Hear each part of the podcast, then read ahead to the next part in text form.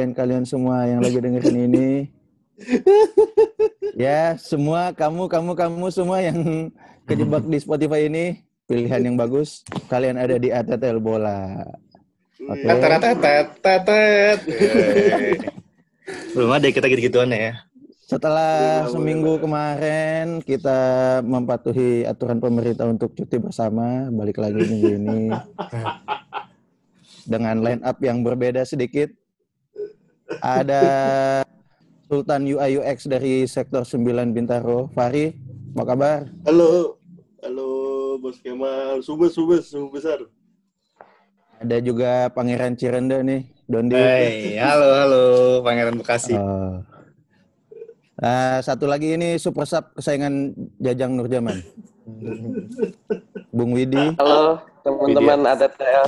Thank you udah diundang lagi. Wih, di. Oke. Oh dia mulu dah. Kita gak punya teman yang lain apa ya? Sesuai, enggak. Sesuai tema. Kalau ngundang dia tuh pasti ada tema khusus lah. Ah, itu. Oh, itu. Minggu ini Jamet Jamet skip dulu karena banyak tugas negara kayaknya. Jadi coba kita ambil alih. Eh, mungkin sedikit preview kali ya. Eh, kalau ngomongin Liga Eropa udah lewat, lu semua bisa denger semua di bisa nonton di tempat lain lah, bisa lihat live score dan lain-lain. Kalau ini kita mungkin sekilas yang masih hot itu Champions League. Ada banyak gol nih kemarin. Ada yang nonton nggak? Gue sih nggak ada yang nonton. Oh, Gak ada gue. ya gue habis tidur. udah kuat gue. Nggak ada yang perlu dibahas berarti. Nggak ada yang perlu dibahas. Kita bahas. Inter, Inter Inter Madrid yang paling gede matchnya tapi nggak ada yang nonton jadi skip aja lah ya. Hmm. Skip, skip, skip, skip, skip. Masih Tapi- banyak tapi- tapi- bola yang ngebahas ini. Hmm, Tapi paling Bisa kalau mau di tapi kalau mau di highlight dikit sih itu aja sih grupnya Inter Madrid lumayan ini sih lumayan apa ya ketat juga sih. Ternyata Borussia Mönchengladbach tuh yang sekarang peringkat satu. Gitu juga dia tuh. Eh, meng, apa namanya mengganggu dikdaya Munchen dan bukan mengganggu sih ya akhirnya ada tim Jerman selain Munchen dan Dortmund. Apa ini? apa itu? Tenang, Boboto tenang, Boboto tenang. Tenang, harap Gara-gara menjaga gara-gara liga nggak mulai-mulai nih Boboto nih. Nggak, Don, gimana Don? Jadi kalau menurut lu di grup B jadi eh, peluangnya gimana? Masih Madrid Inter yang lolos apa? enggak sih paling Ada feeling kejutan? gua feeling gua Madrid Mönchengladbach sih Inter Europa League aja lah kelasnya Penasaran kali ya Nanti. musim kemarin iya gagal juara mungkin mau seriusin di situ. ya. juara. Betul. Gila Mönchengladbach nggak tahu nih tiba-tiba jadi bagus gitu. Ah, ya oke, berarti skip aja mungkin sedikit nih nanti malam eh, lan- langsung aja ke Fahri Mawidi nih. Kebetulan kan dua orang di kubu yang sama. MU Apa nih? mau ke Istanbul lawan Basak Sehir. Prediksi kalah berapa? Kalah. Reaksinya kalah berapa? Eh, Menang apa enggak? Enggak sih, ini ini menang sih menurut gue away soalnya. Oh, jagoan away ya. Jagoan away, Eh, away terus cup juga kan, jadi kayaknya menang, ya mungkin menang 2-0 lah, cukup. Ente gimana. Wid? Wit gimana Wit? Kalau 2-0 kayaknya nggak mungkin deh. Pasti kejebolan MU. Ya, Jadi 2-1 gila. menurut gua. Gila, gila. Maguire kagak main, ini aman, tenang aja. Lah Kenapa bukannya ya? konferensi persnya sama Maguire ya tadi ya? Iya, Iya, kagak- main, dia makanya. Waktu itu juga juga ikut conference pers, kagak main. Pengen dapat ini, pengen dapat perdim dia, makanya ikut pergi. Iya. Nah, Ah, nggak nggak mungkin ditinggal. Paham banget, Oh paham iya, kita mah. Biar Uang bisa klaim uang dinas jalan. ya. Iya, Iya. mungkin. Bisa Bisa jadi, bisa jadi. Ya udah nih ngomong-ngomong soal MU yang mau tandang ke Turki nih kita mau bahas sepak bola Indonesia. Kagak ada nyambung-nyambungnya dari MU tuh. Oh iya iya iya. Jadi ada. ini ada ada topik menarik yang kita udah pikirkan beberapa Dari- jam yang lalu. beberapa jam orang mau mikirin topik beberapa hari yang lalu gitu. Beberapa jam. Nah, Jadi ini-. Ini ini apa eh, gimana kan Indonesia dengan negara yang begitu luas, sepak bola yang begitu digemari tapi masih banyak ketimpangan sana sini. Nah, salah satunya itu gimana bahwa ya kalau kita ngomong Indonesia kita bagi barat dan timur lah. Tapi di sini kita fokus ke Indonesia area timur di mana banyak ya bisa kita bilang bakat-bakat paten lah ya, tapi secara secara komprehensif dia nggak punya prestasi atau nggak nggak ya segitu-gitu aja lah, nggak nggak maju-maju banget gitu. Mungkin langsung kali dari Widi nih, kan dia bingung nih tadi mau diajak ngomong apa. Ayo Wid, mulai Wid.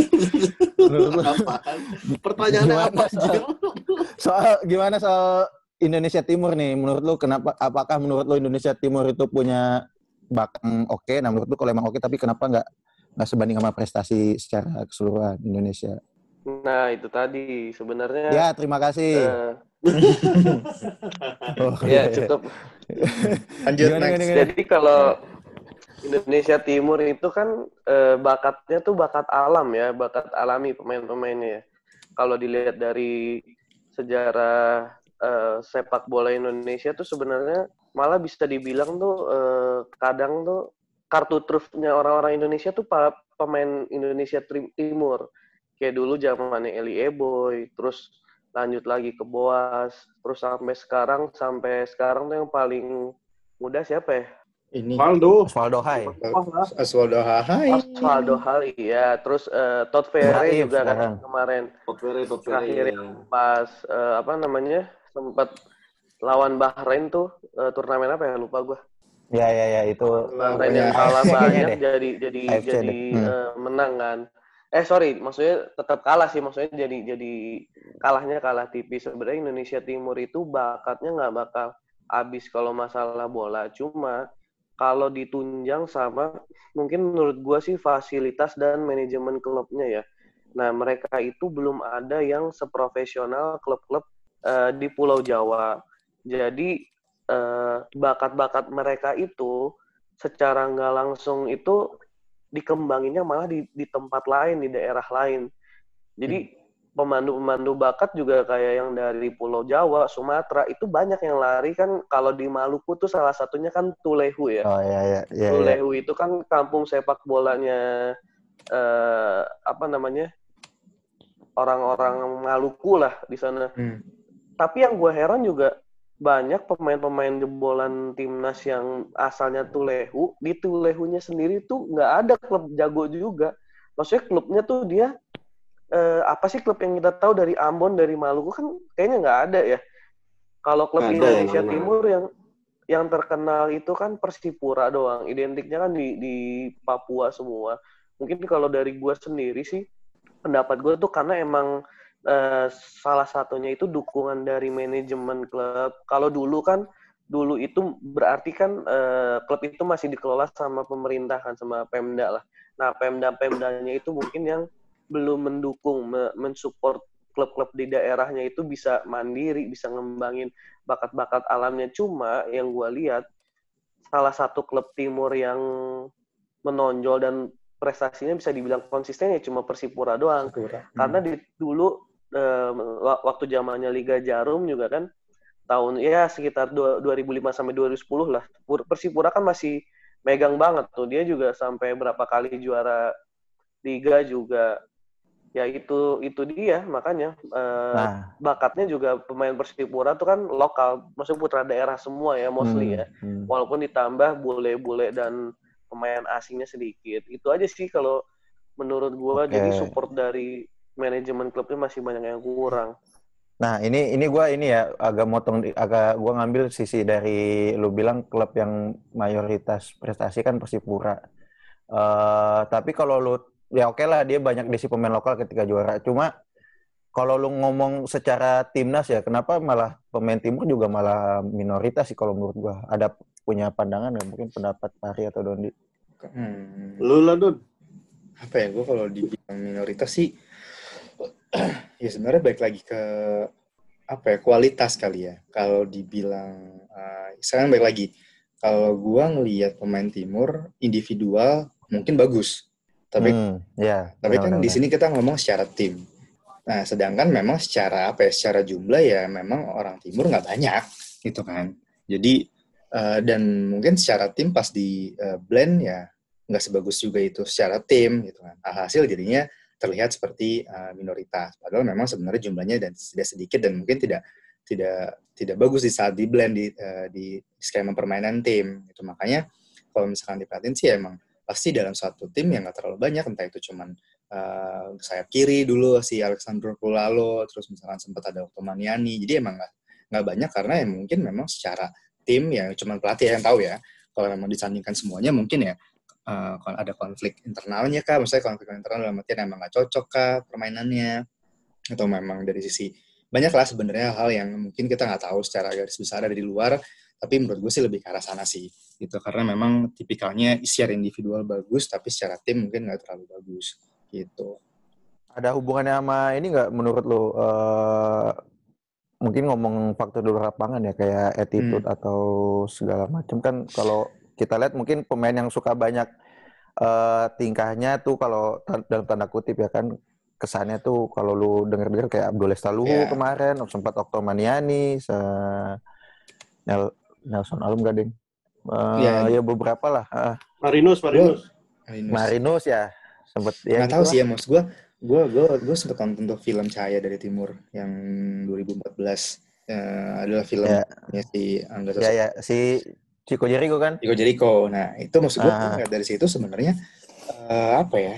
Emang di film itu tuh digambarkan bahwa bahkan mereka itu ada konflik agama gitu antara orang Timur sendiri agama Islam dan Kristen sehingga apa yang terjadi mungkin ya sebagai anak-anak di sana mereka udah udah akrab dengan kekerasan uh, perang antar budaya, perang antar suku dan segala macamnya, itu jadinya terbawa uh, ke dirinya masing-masing gitu kan. Di saat mereka akhirnya bisa keluar dari daerahnya mereka, ya mungkin jadinya ada hal yang buat mereka jadi kayak seakan-akan lebih bebas.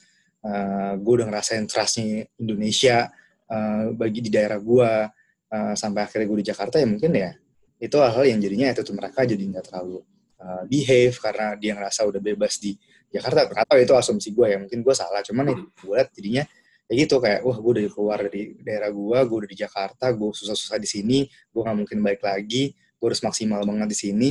Jadi ya udah individualis jadinya kan bukan bukan jadi bukan lagi mikirin hal yang uh, gimana caranya bisa kolektif gitu. Kalau gue sih nggak di situ ya uh, karena emang di film itu digambarin banget bahkan uh, mereka tuh tawuran tiap hari kalau mau latihan bola pun juga harus digembleng banget dan bahkan udah satu tim udah satu tim pun masih ada ngeliat lagi nih siapa Islam siapa Kristen gitu. Jadi masih oh. gitu tuh masih kerasa banget. Jadi hasil ya attitude atau uh, apa ya ya yang ditanamkan di diri mereka ya masih bentuknya masih seperti itu gitu. disiplinnya jadi jadi jadinya kurang, kurang gitu. Karena ya masih masih ada hal-hal seperti itu ya nggak dihindari saat itu. Cuman nggak tahu ya untuk tahun sekarang sekarang ini apakah membaik ataukah mem, apa, apakah memang masih seperti itu. Cuman yang dilihatnya seperti itu kan. Jadinya kesannya kok ini individualis eh, attitude yang nggak bagus banyak yang pulang kampung terus nggak baik lagi atau tiba-tiba uh, banyak yang hal apa ya udah udah kontrak terus tiba-tiba um, bikin kontrak lagi gitu-gitu kan itu hal yang sebenarnya kita juga nggak tahu prosesnya di dalamnya gimana cuman image-nya jadinya segi seperti itu jadinya nggak bagus gitu kalau uh, dari sisi yang tadi Widi sempat bilang juga sih uh, pembinaan klubnya atau hmm. ya pembinaan klub secara menyeluruh lah bisa dibilang ya benar juga sih di daerah Maluku Ambon tuh yang paling banyak talentanya bisa dibilang klubnya cuma sekelas klub amatir gitu. Uh, menurut lu Pak, ini apakah perannya ada di PSI PSSI pusatnya atau Aspropnya atau malah di gubernurnya sendiri ya? Coba. Uh, ada sebenarnya pandangan lu. Nah nih, so juga sih. Ibaratnya kalau nggak uh, usah ngomongin sepak bola deh, ngomongin ekonomi lainnya ya, ya kita kan secara negara juga nggak merata kan. Ya kalau misalnya lu eh, hebat di kampung lu, pasti ya tujuan akhir lu adalah kota-kota besar gitu kota hmm. besar lah kan Jakarta Surabaya Makassar lah paling deket kan gitu ya jadi emang udah mindsetnya tuh, tuh dari dulu kayak gimana ya ya kayak kalau gue kalau gue mau sukses gue harus di kota gitu nah anggapannya kalau gue kalau gue ngeliatnya masih bahwa daerah-daerah penghasil yang kayak misal mungkin kayak Tulehu atau kayak daerah-daerah lain yang ada di Papua sana itu ya ya emang secara apa ya secara ini juga nggak bisa hidup dari bisnis sepak bola gitu. Jadi walaupun let's say uh, ada ada ada bisnismen datang nih, datang dia bikin klub, bikin stadion di situ. Penontonnya ada nggak di situ? Itu kan balik lagi gitu, kayak gitu. Jadi ya lagi emang- rawan konflik ya. Nah, rawan konflik ya kan. Terus ya hitungannya di sana ribet nggak? Misalnya kayak transportasi atau ininya gitu. Jadi kan ya gimana ya? Banyak faktor ya sih menurut gua kenapa daerah-daerah penghasil emang eh, bakat alam sepak bola Indonesia ini malah gak ada timnya gitu. Hmm. Ya intinya balik lagi lah apa? Ya kita ekonomi nggak ngerata. Terus juga ya mindset kita mungkin masih sukses tuh nggak bisa di kampung sendiri tapi sukses harus di kota. Kecuali lu lahirnya emang di kota ya gitu. Jadi ya gitu, semuanya lari pengennya ke kota, kota-kota besar. Ditinggal lah kampungnya gitu. Itu sih menurut Kalau- gue sih. Iya, kalau kalau gue sih mungkin nyambungin yang statement lu mungkin sebenarnya agen pemain sih bisa punya peran gede sih di sini. Maksud gue, Hmm. lu nggak usah mikirin gimana ada investor yang mau naruh duit buat bikin klub dan ngembangin sepak bola, tapi agennya aja yang jemput bola, narik pemainnya tiga lima anak per kabupaten atau provinsi, masukin di kelompok umur tertentu, disebarin ke tim-tim Jawa atau Sumatera gitu. Ya itu kan akan Iya. harusnya akan mengembangkan secara nggak langsung ya gitu. Tapi gua- kalau lu lihat tim, maunya kayak pemain senior yang mungkin udah pensiun kali ya. Nah, Kayaknya itu juga nggak ada Iya. yang nggak ada yang punya arah buat kembangin juga nggak sih balik maksudnya? iya, balik kampung terus kayak oke lah gue mau ngebangun nih dari awal gitu kan. Kayak Iya iya kayak gua kecil kayak, kayak gitu. Imran Nahumaruri, Eli Eboy, Hmm. Alex Pulalo, Ortisan Salosa tuh kayak ya udah gitu pensiun hilang aja gue Ya juga udah, iya, heeh. dia punya apa buat daerahnya gitu. Hmm. Iya itu sih menarik gue sih, juga. gua menarik juga- sih yang tadi Fari bilang mengenai pemerataan ekonomi karena emang jadinya apa ya? Ya salah satu alasan kenapa selalu ada isu Indonesia harus dibagi liganya dibagi dua wilayah ya karena faktor klub-klub Papua sana tuh sulit transportasi. Ya, gue nggak tahu ya kenapa harga-harga barang di sana masih mahal atau emang karena distribusinya susah segala macam ya. Nah, itu impactnya juga ya itu tadi orang juga nggak ke stadion karena mungkin daripada gue ke stadion mendingan duitnya gue buat makan gitu kan. Ya jadinya ya Hmm. sponsor-sponsor pun juga mungkin mikir-mikir juga kalau misalkan uh, sponsor di sana kasarnya tujuh setengah m buat tim Papua sama tujuh setengah m buat tim uh, area yang- yang paling deket lah Persib Bandung pasti mungkin lebih cuanan Persib Bandung secara ROI-nya kan.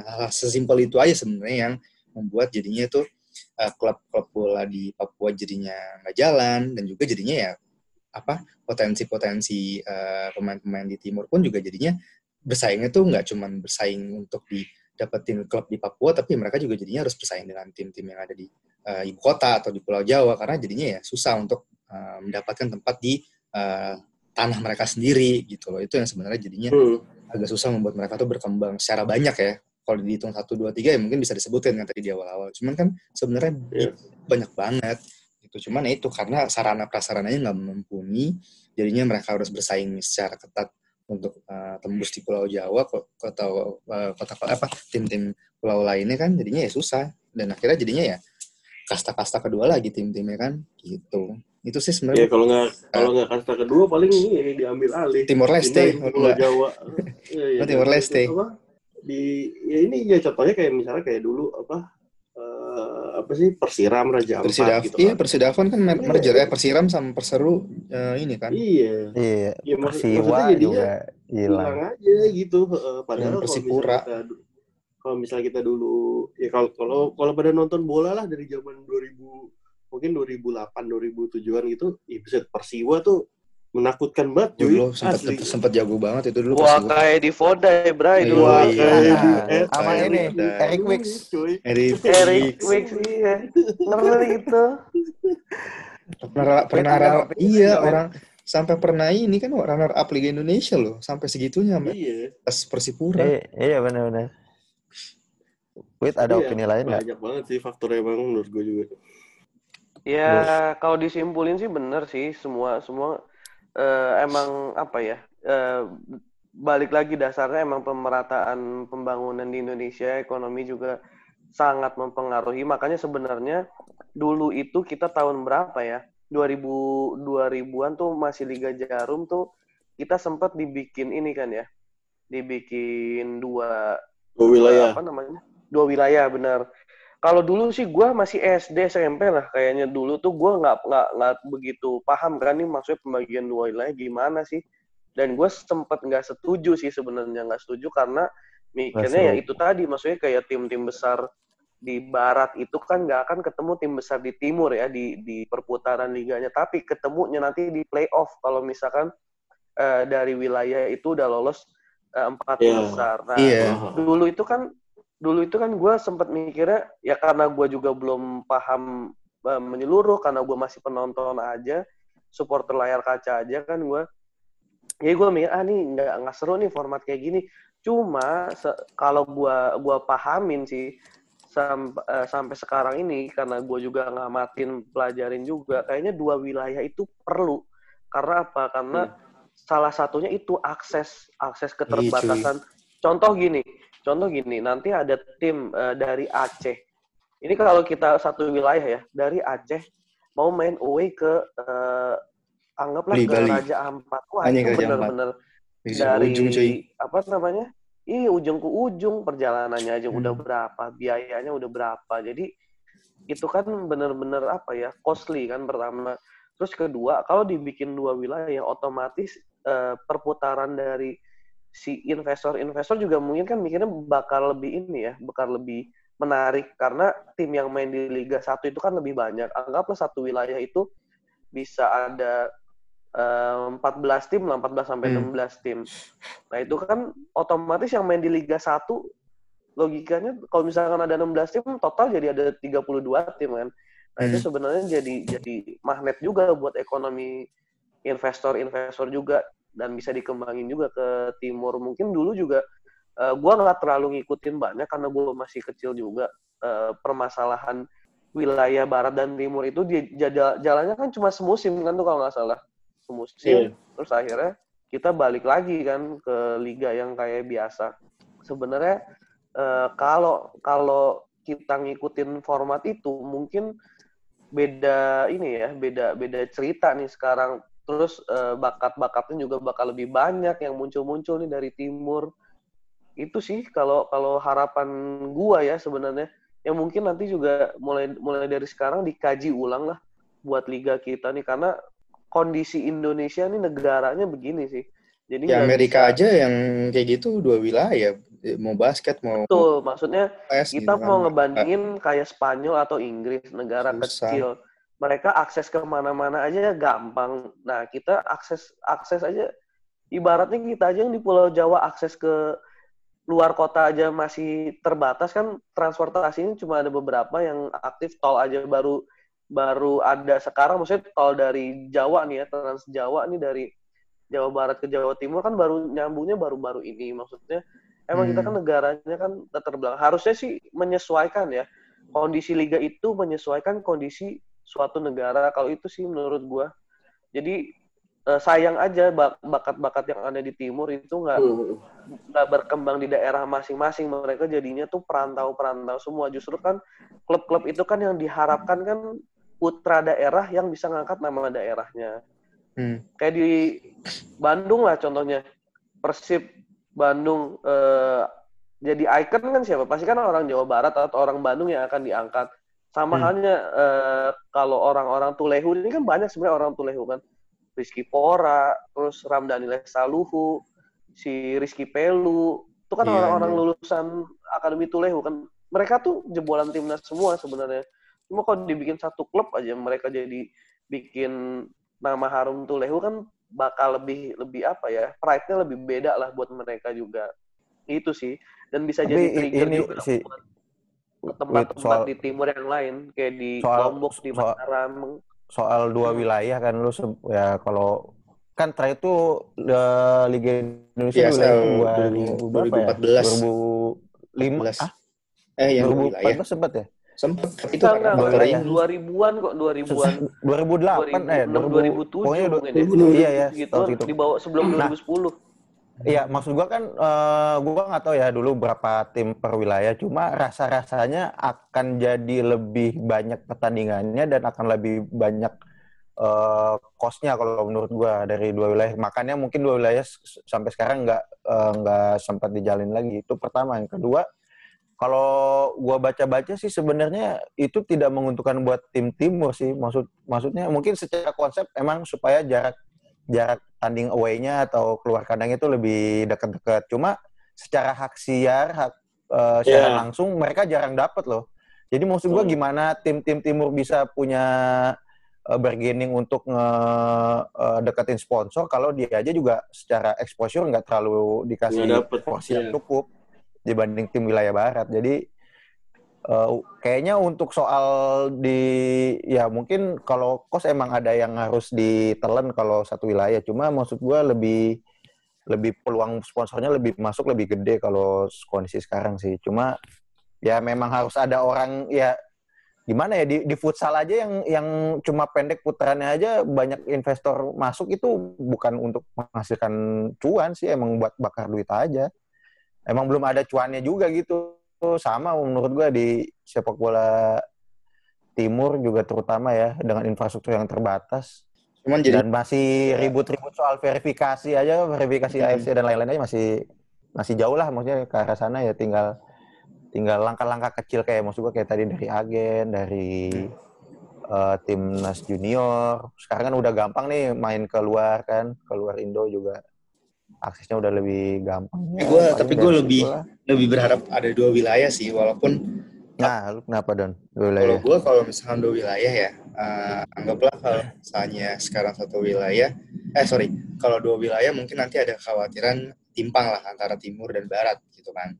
Dulu gitu, karena kan dulu eh, ibaratnya ya dulu yang bagus-bagus kan di kota apa namanya di barat tuh ada eh, apa eh, Sriwijaya FC, Persija, Persib segala macam kan. Nah cuman kan makin ke sini yang timur pun juga kalau kita ngambil timurnya dari Bali ya, itu kan juga udah mulai bagus kan. Ada Bali, ada PSM Nah, segala macam. Jadi maksudnya uh, kalau misalnya pada akhirnya mau mencoba untuk dua wilayah, karena nih momentumnya sebenarnya lagi cocok nih kalau misalkan mau mencoba lagi dua wilayah karena satu uh, ISL eh ISL uh, Shopee Liga 1 di 2020 kan udah pasti kayaknya nggak mungkin jalan lah di 2020. Nah, ada ada kemungkinannya 2021 ada isu mau tetap dijalanin liga, tapi karena banyak agenda-agenda uh, Piala Dunia lah, terus tahu lah agenda-agenda lainnya, jadi katanya mau dipercepat. Jadinya ada isu lagi tuh untuk dua wilayah. Nah kalau gue pribadi sih memang intinya uh, daripada kebanyakan liga dan entah itu liga presiden lah, atau eh Piala Presiden lah atau Liga Liga Torabika. Torabika lah atau apa ya punya sekalian ya udah liga dua wilayah mau banyak ya terserah mau home away-nya gimana Eh, nah, tetap ada final nah final di GBK gitu kan nah, itu lebih apa Ya. Nah, betul. rasanya Lucu lebih eh, ya asal sih jangan di GBK lagi ya kalau gitu kan jadi atmosfer GBK nggak kayak atmosfer Wembley kan Wembley kan ya udah tuh. final aja tuh gitu. kalau gue sih lebih ke arah sana sih, karena emang udah merata nih dalam artian ya memang pasti masih dan dengan ada dua wilayah ini bisa jadi kemungkinan eh, apa ya karena udah tahu nih di wilayah barat masalah kasarnya kasarnya investor-investor udah tahu nih oh di, ba- di barat kayaknya udah susah berprestasi ya. Akhirnya mereka mencoba untuk gambling untuk bikin tim atau invest di klub-klub timur misalnya. Kan bisa aja jadinya kayak gitu untuk mengimbangi. Jadi ya pasti ada Hmm. mungkin uh, plus minus sih pastinya. Cuman menarik sih Hmm. akan uh, dua wilayah dicoba lagi uh, mengingat ya, apa atmosfer di timur tuh udah lumayan oke lah tim-timnya gitu Ini, ini gue mau bahas sedikit ya. Maksudnya terakhir dua wilayah tuh 2005 nih. Satu wilayah tuh 14 tim. Jadi mungkin Dua lap- tiga dua enam ya. dua enam 26 kan, pertandingannya Hmm, 26 belum lagi eh, playoff-nya 8 besar. Besar kan Nah, paling berapa kali menariknya main nih. 8 besarnya cuma sekali main aja, sekali putaran. iya kan Masing-masing tiga kali main. nggak nyampe 35 lah ya ya kan kalau dihitung itu Ya, iya sih. Sebenarnya Masih oke kalau lah ya. kalau iya makanya itu balik lagi ke masalah bisnis kan. Kalau tadi mas- bahas masalah tim timur nggak dapat jatah untuk apa namanya siaran. Nah sekarang kan tim eh, apa TV TV juga banyak yang udah merger tuh ya. Misalkan MNC MNC aja ada MNC TV RCTI sama apa tuh satu lagi? Video video.com sekarang yang lagi bagus. Video. Global, global. Global. Global. benar. Maksud gua maksud gue kita kan eh, ya harusnya sih PSSI ya. Maksudnya PSSI sama liga juga harusnya lebih eh, bergainingnya juga lebih harus lebih bagus sih dalam hal kalau misalkan bikin dua liga ya. Karena kan nggak mungkin kayak kalau dulu nih mungkin eh, itu benar mau kalau dulu kan bikin dua liga berat banyak tim timur yang nggak ke dapat siaran. Karena dulu itu masih antv doang antv doang yang berani nyarin liga dan mostly ya gue sih ngikutin bola tuh dari zaman dulu yang yang gue tahu di antv ya pindah-pindah tuh paling ke mana sih cuma cuma nggak banyak kayak RCTI nggak sih? juga. Sempat SCTV, Sempat, SCTV. Oh, sempat. CTV. RCTI itu Eh, ini, TPI juga eh, pernah sebenarnya. Premier League, IPL, IPL. makanya maka- makanya maksud gue ketika udah dapet eh, apa namanya eh, TV yang berani buat ngambil itu kan sebenarnya bagus juga jadi si TV tinggal bagi-bagi jatah kasarannya bisa aja untuk siaran timur nanti kalau misalkan MNC nih ya ini nggak apa-apa jeruk nyebut ini kan ya merek ya Dari gue udah nyebut Shopee. Boleh, Iya. boleh, boleh. Gak apa-apa, siapa tahu disponsorin. Betul, MNC misalkan ya, MNC ngambil, MNC ngambil untuk wilayah timur yang nyarin global, yang wi- wilayah barat nyari- nyarin RCTI kan maksudnya ya secara ini exposure kan yang nggak beda jauh lah. Jadi itu ya tinggal ini aja dari PSSI sama liganya aja gimana mau mengemas si Iya. liga ini. Tapi yang udah-udah jadinya liga apa apa eh, pengurus-pengurus malah ngikutin TV sih jadinya kan aneh ya kebalik ya. jadinya mereka yang ngikutin permintaan dari sponsor. Harusnya kan mereka Tapi dua dua wilayah tuh nih ya, gue kalau ngeliat yang Ah. 25 ini, gue balik lagi. Nih ada tim yang masuk wilayah timur ya, tuh masih ada Jepara, masih ada Gresik, Lamongan, Jepara sih. Gue juga kalau jadi pengurus Jepara mah, iyalah gue ngapain ikut dua wilayah masuk timur juga kalau ujung-ujungnya banyak pergi ke sana gitu. Sedangkan Jepara kan di tengah Jawa ya? Tengah banget. Nah, gitu. iya, iya. Iya, Hmm. masih ada Lamongan juga- juga, masih ada Malang. Sebenarnya gini sih mal, menurut gue problemnya itu karena itu sistemnya dadakan kan. Jadi kayak lu pembagian apa barat dan timur itu gak jelas gitu loh. Betul, Menurut gua betul, betul. Kalau kalau emang mau dibikin dua wilayah barat dan timur itu udah seharusnya oke lah. Misalnya lu Iya. punya punya tryout, lu punya tryout tiga season gitu, tiga musim. Nah ini kira-kira tim mana yang akan ke barat dan tim mana yang akan ke timur gitu. Misalnya kalau kayak Persipura atau kayak eh, Persija kan lebih jelas lah ya dia pembagiannya. Cuma tim-tim yang kayak di Jawa Timur atau Jawa Tengah kan agak kasihan tuh. Yang ada di Kalimantan juga agak kasihan gitu. Nah menurut gua eh, pertama itu tuh. Nah yang kedua ketika ketika mulai kebentuk nih sebenarnya oh ternyata di barat tuh ternyata PSSI punya 80 anggota klub gitu. Sementara di timur cuma punya 25 misalnya. Nah, menurut gue ini malah jadi opportunity buat pengusaha-pengusaha atau misalnya ya instansi sepak bola yang ada di Indonesia Timur ya buat bikin klub gitu karena ya bisa dibilang Iya. poolnya tuh masih Benar. gede gitu loh. Jadi eh, nanti Iya dengan sendirinya kayak misalnya kayak sekarang di di di NTB, di NTT, lu tahu nggak tim bolanya apaan? Gak ada yang tahu Benar. kan? Maluku nggak ada, ya kan? Iya. Nah, Jadi itu ibaratnya eh, lapangan lapangan pekerjaan eh, terbuka luas kan jadinya juga. Iya. Kalau di iya Betul. kalau di eh, perencanaan dengan bagus kan. Iya memang benar. Iya, tapi kan ya menurut gue seenggaknya udah ada ininya lah, udah ada jalannya loh gitu sebenarnya. Betul, betul. Kalau kalau emang kalau emang mau nyari liga yang kom- kompetitif ya satu wilayah gitu, tapi ya Hmm. balik lagi menurut gue itu akan ujung-ujungnya terpusat di Jawa lagi, Jawa lagi, Jawa lagi sih gitu. Nah sementara yang di Indonesia Timur yang mana ya bisa dibilang mutiara mutiara yang mutiara hitam yang nggak dipoles ini Iya. banyak banget. Nah di terlupakan ini ya kasihan gitu. Ya kalau misalnya mereka nggak dapat tempat di Persipura, ya udah ujung-ujung udah nggak jelas ke mana gitu. Iya, padahal sebenarnya kalau satu-satu yang di dekat-dekat situ ya bisa aja mereka ke mana-mana kan. Iya tapi kan ibaratnya lo kal- kalau gue ya gue nggak tahu gue nggak tahu orang lain sih. Kalau gue misalnya gue jadi pemain sepak bola gitu. Kalau misalnya lah gue nih sebagai warga Tangsel, gue akan lebih bangga ketika gue bisa juara bersama Persi Oh Tangsel. iya, gitu. iya, iya. Maksudnya, Nah. maksudnya gue mendukung statement lu. Kalau misalkan emang ternyata di sana investasinya lebih banyak di timur ya, pasti mereka bisa aja nggak ke mana-mana kan. Mereka akan tetap di Iya. daerah untuk membangun. Karena jadinya itu akan membangkitkan apa ya? Kalau makin banyak investasi di sana, banyak klub di sana ya anak-anak pun juga jadinya berani lah untuk eh, Iya. Berani untuk bermimpi lah. Kalau misalnya lebaynya gitu ya, anjir lu banyak banget tim di sini, gue tinggal masih banyak kesempatan gitu. Kalau di ini anak Iya gitu loh. Jadi mimpinya cuma impian anak-anak aja udah impiannya. Iya, paling nggak paling nggak benar sih Dor kata lu. Paling nggak anak-anak anak-anak bocil-bocil ya yang baru lahir tahun 2010-an Iya. itu mimpinya tuh bisa jadi oke gue beneran pengen jadi pemain bola gitu loh karena emang ada wadahnya gitu. Mm-mm. Kagak jadi PNS lagi, Iya, PNS betul. lagi, pegawai BUMN lagi gitu. Kagak gitu impiannya, nggak nggak jadi apa? Gua ya, dong BUMN. kerap. Oh iya, sorry sorry, sorry. Kenapa jadi Tersinggung. bawa-bawa karir? Eh, lu lu kan bukan BUMN langsung anjir. Aku ngaku lu, Wit. Ngaku ngaku lu. Ini berarti maksudnya eh, apa usul untuk dua wilayah sih emang oke lah. Gue ngeliatnya kayak NBA lah ya. Berarti lo Iya. akan kalau Mhm. kalau dikemas mungkin di handling oleh IO yang top lah kayak kayak kemarin ngurusin Asian Games kan bisa mantep banget tuh. Iya. Ya, Ya intinya ya. balik lagi siapa penyelenggaranya sih.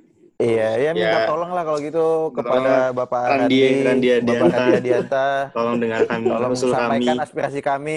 Ya, betul. Tolong dicolek dikit lah itu Pak Siapa emang sekarang? Pak Ketua PSSI. Dia, dia lagi Enak gua liburan mau nyebut tahu. nama. Lagi liburan tahu lagi liburan. Lagi mendampingi anak-anak berjuang. Gayanya harus gini mal, gaya harus gini mal. Loh, kalau di brosur-brosur. Oh.